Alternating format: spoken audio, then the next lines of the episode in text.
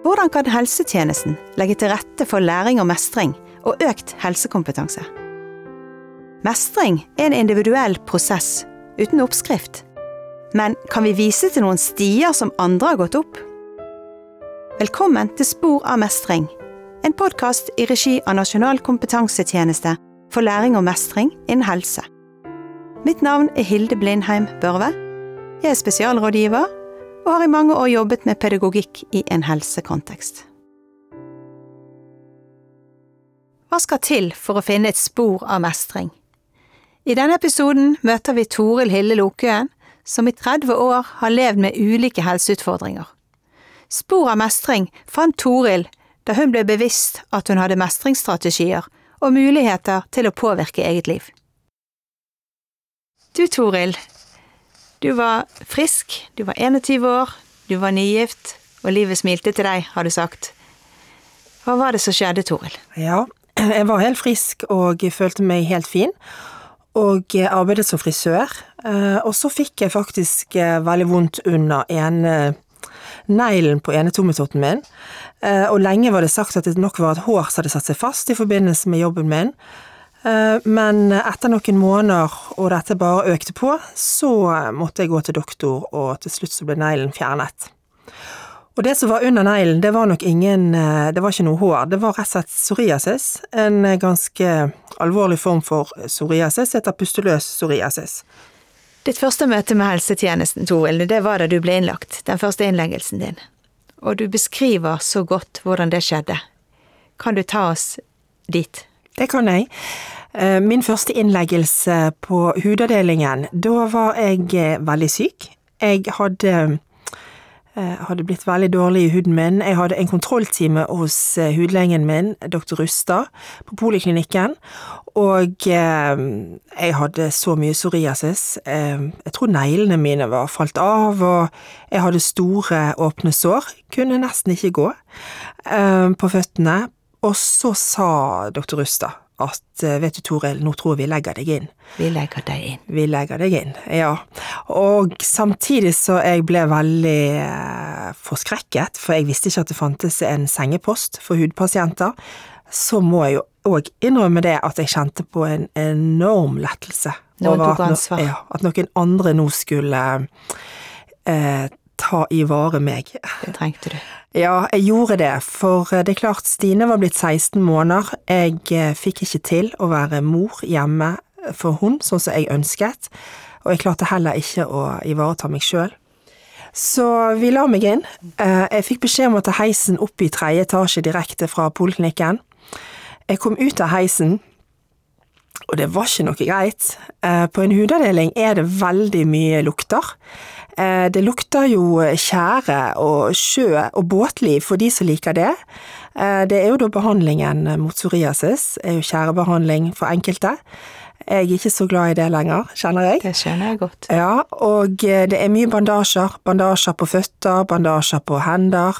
Det er selvfølgelig mørke solbriller for de som går på lysbehandling. Det er grønne hetter på hodet for de som har hodebunnsbehandling. Det er i det store og det hele ganske mange triste triste syn. Mange syke pasienter som er veldig sånn synlig syke av at uh, hudsykdommer er jo utenpå oss, stort sett. Mm. Så jeg vil si det var et ganske brutalt møte med, med sengeposten. Det, er det sånn det. det skal være? Jeg tenkte er det sånn det skal være, og jeg hadde fått beskjed om at min første innleggelse skulle vare i ca. tre uker. Og eh, i, den dagen var det en evighet. Det er klart det var det, med et lite barn hjemme på 16 ja. måneder. Ja. Det var knalltøft. Det var det. Og samtidig så måtte det være sånn, for jeg var så dårlig, så jeg kunne faktisk ikke klare å være hjemme lenger, og mannen min, han eh, var blitt ganske så god på å bandasjere og smøre, men eh, nei, nå måtte noen andre ta over. Ja.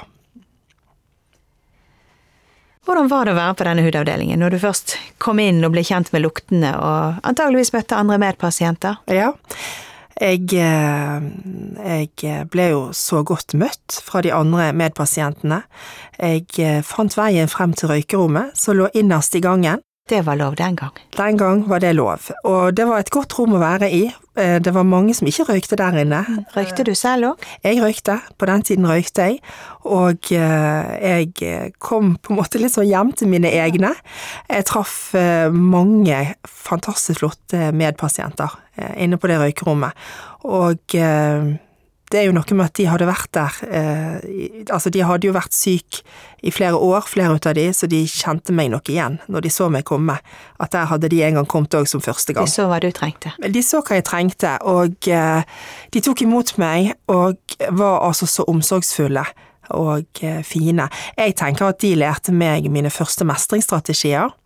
Verdien av eh, det å spørre andre om råd, både helsepersonell og eh, medpasienter. Eh, men det er klart, de lærte meg òg mye jeg kanskje aldri hadde trengt å vite. Mm. Um, det kan bli litt sånn uh, kos med misnøye på sånne rom, og det var det. Uh, det er klart jeg fikk vite hvem doktorer som ikke var helt greie, og hva sykepleiere som var hardhendt, og hva salver jeg måtte holde meg unna, og ja. Så, så, i det store og hele så var det det var, det var litt av hvert, det var det, men det var jo veldig mye omsorg og omtanke. Mm. Jeg regner med at det var et stort informasjonsbehov, og noe av dette fikk du dekket ganske sånn ukritisk, kanskje, som du beskriver det, men hvordan fikk du informasjon av de som jobbet på avdelingen? Hvordan foregikk det? Eh, dette her er jo 30 år siden. Eh, det var ikke noe organisert eh, informasjon, det var ingen kurs. Informasjonen ble vel gitt litt sånn på sengekanten og i behandlingssituasjoner i forbindelse med at jeg hadde mye hodebunnsbehandling som kan ta veldig lang tid, og mye bandasjering og mye bad. Og da var jo disse fantastiske hjelpepleierne og sykepleierne fortalte meg jo hva de gjorde, men men jeg tror nok de første innleggelsene mine, da var jeg såpass eh, overrasket og forferdet over at jeg i det hele tatt var blitt så syk, at jeg tror ikke jeg klarte å ta inn så mye. Eh, jeg tror ikke det, altså. Du var innlagt eh, gjentagende ganger, har du beskrevet.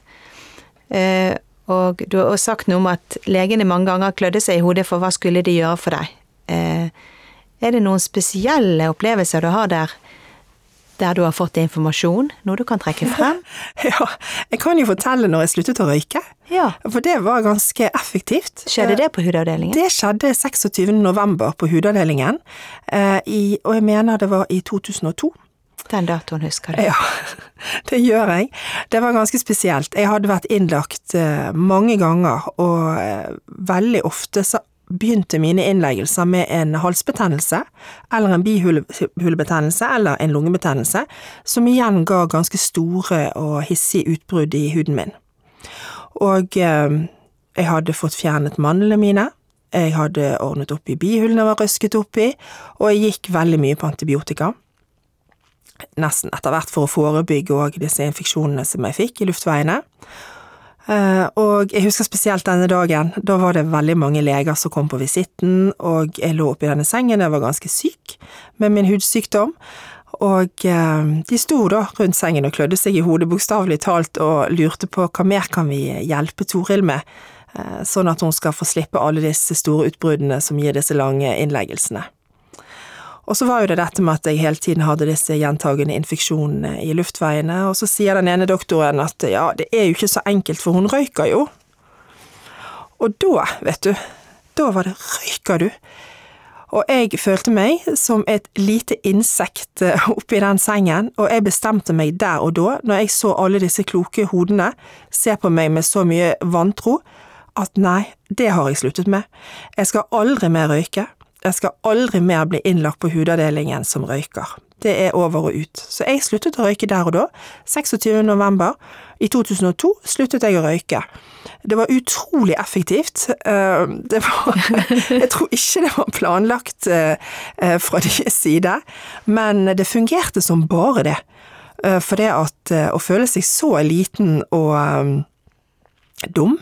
Eh, det, det, kjente jeg på at det, det, der skal ikke jeg oppleve en gang til. Den episoden virket på deg. Det er vel ikke helt sånn det foregår etter boken, men, men, det sier noe om at dette virket for deg.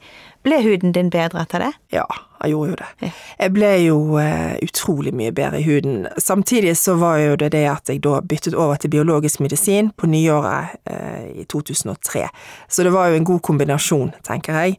Men, uh, men det er klart at Nei, det var en enorm effektiv røykeslutt, det må jeg si. Og så skulle du antageligvis hjem etter en tid. Ja. Hvordan var den overgangen?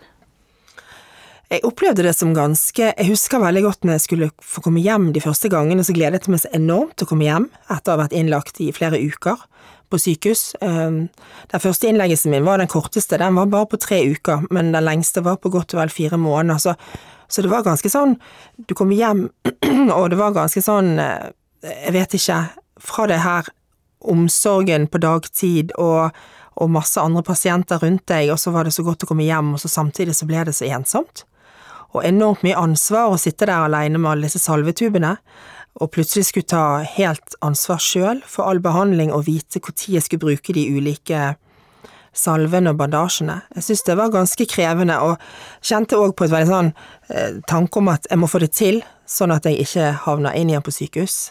Jeg, var jo, altså, hadde jo et enormt behov for å, å være hjemme med datteren min og mannen min og familien. Naturligvis, ja. Det høres krevende ut.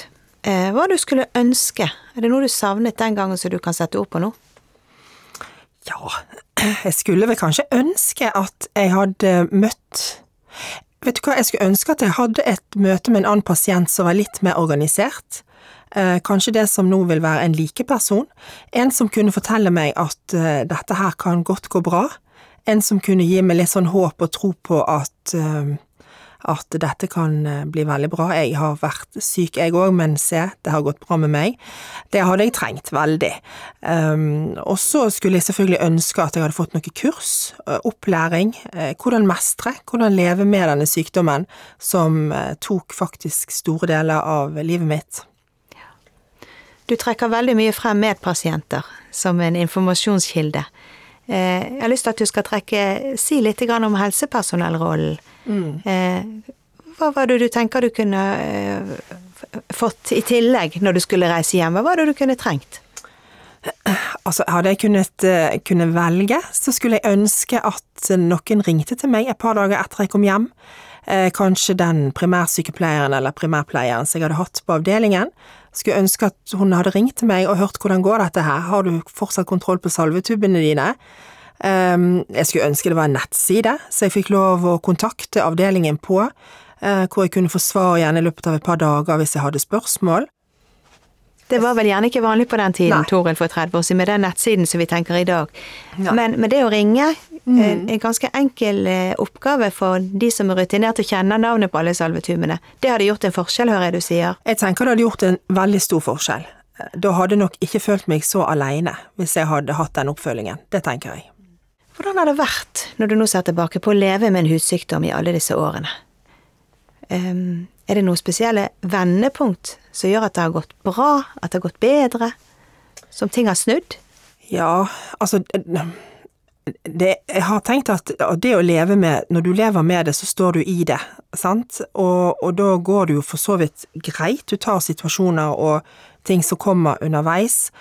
Eh, samtidig så hadde jeg en fantastisk eh, doktor Eh, en doktor Rustad på hudavdelingen. Ehm, jeg hadde jo Jeg var hos hun jevnt og trutt i alle disse årene som jeg var syk og innlagt, og jeg kan ikke Jeg tror jeg har aldri gått ut fra en konsultasjon med hun uten å ha håp om at dette kan bli bedre. Håp er viktig. Enormt viktig. Og hun var eh, en klippe for meg. Hun betydde faktisk eh, enormt mye. Hun holdt hodet over vannet, på en måte, for deg? Hun holdt hodet over vannet, og, eh, og ga meg alltid følelsen av at vi har alltid noe i bakhånd. Hvis dette ikke går, så har vi alltid noe i bakhånd. Og det, det betyr alt når det står på. Så det betydde enormt mye, og det er klart at i 2003 Eh, jeg ble jo syk i 1990, og i 2003 da fikk jeg bytte over til en biologisk medisin. Så det må vel kunne kalles et vendepunkt. Mm. Eh, For da gikk jeg fra å være innlagt eh, flere ganger i året til å få biologisk medisin eh, intravenøst eh, etter hvert hver åttende uke, som gjør at jeg eh, opplever meg sjøl som faktisk helt frisk fra min hudsykdom. Men denne sykdommen din, den har jo noen følgesykdommer. Hvordan har det vært å leve med de, og har det vært fremtredende følgesykdommer i disse årene? Følgesykdommene var jeg ikke klar over at det var, og det er jo noe av det som jeg brenner veldig for som brukermedvirker, det er jo å snakke om følgesykdommer. Um, jeg har fått, jeg har astma, og jeg har fått psoriasis artritt, og, eh, og kjenner på en del utfordringer eh, i forhold til å ha en såpass eh, tung psoriasisdiagnose. Um, så det er klart at uh, følgesykdommene kan det hende at jeg egentlig nå kjenner mer til enn uh, min hudsykdom. Ja. I dag da, Toril, når du ser tilbake, hvordan har du det egentlig i dag? Jeg har det veldig bra. Jeg har det veldig bra, og jeg, eh, jeg tenker at det er fantastisk at eh, jeg har blitt så frisk. Og at jeg får lov å være så frisk, og at jeg får medisinen min jevnt og trutt, og eh, at den virker like godt fremdeles. Nå har jeg stått på, på denne medisinen altså siden 2003, det er veldig mange år. Um, jeg tror ikke det er noen andre i landet som har gått så lenge på den type medisin for psoriasis som meg, og um, jeg får lov å være en, et håp for andre. Jeg får lov å være den pasienten som jeg skulle ønske at jeg møtte når jeg ble syk, at jeg tror at det å få lov å møte andre som har fått, fått bli så mye bedre, det betyr så mye. Tusen takk for det du har delt med oss, Toril. På gjenhør til nye samtaler om spor av mestring.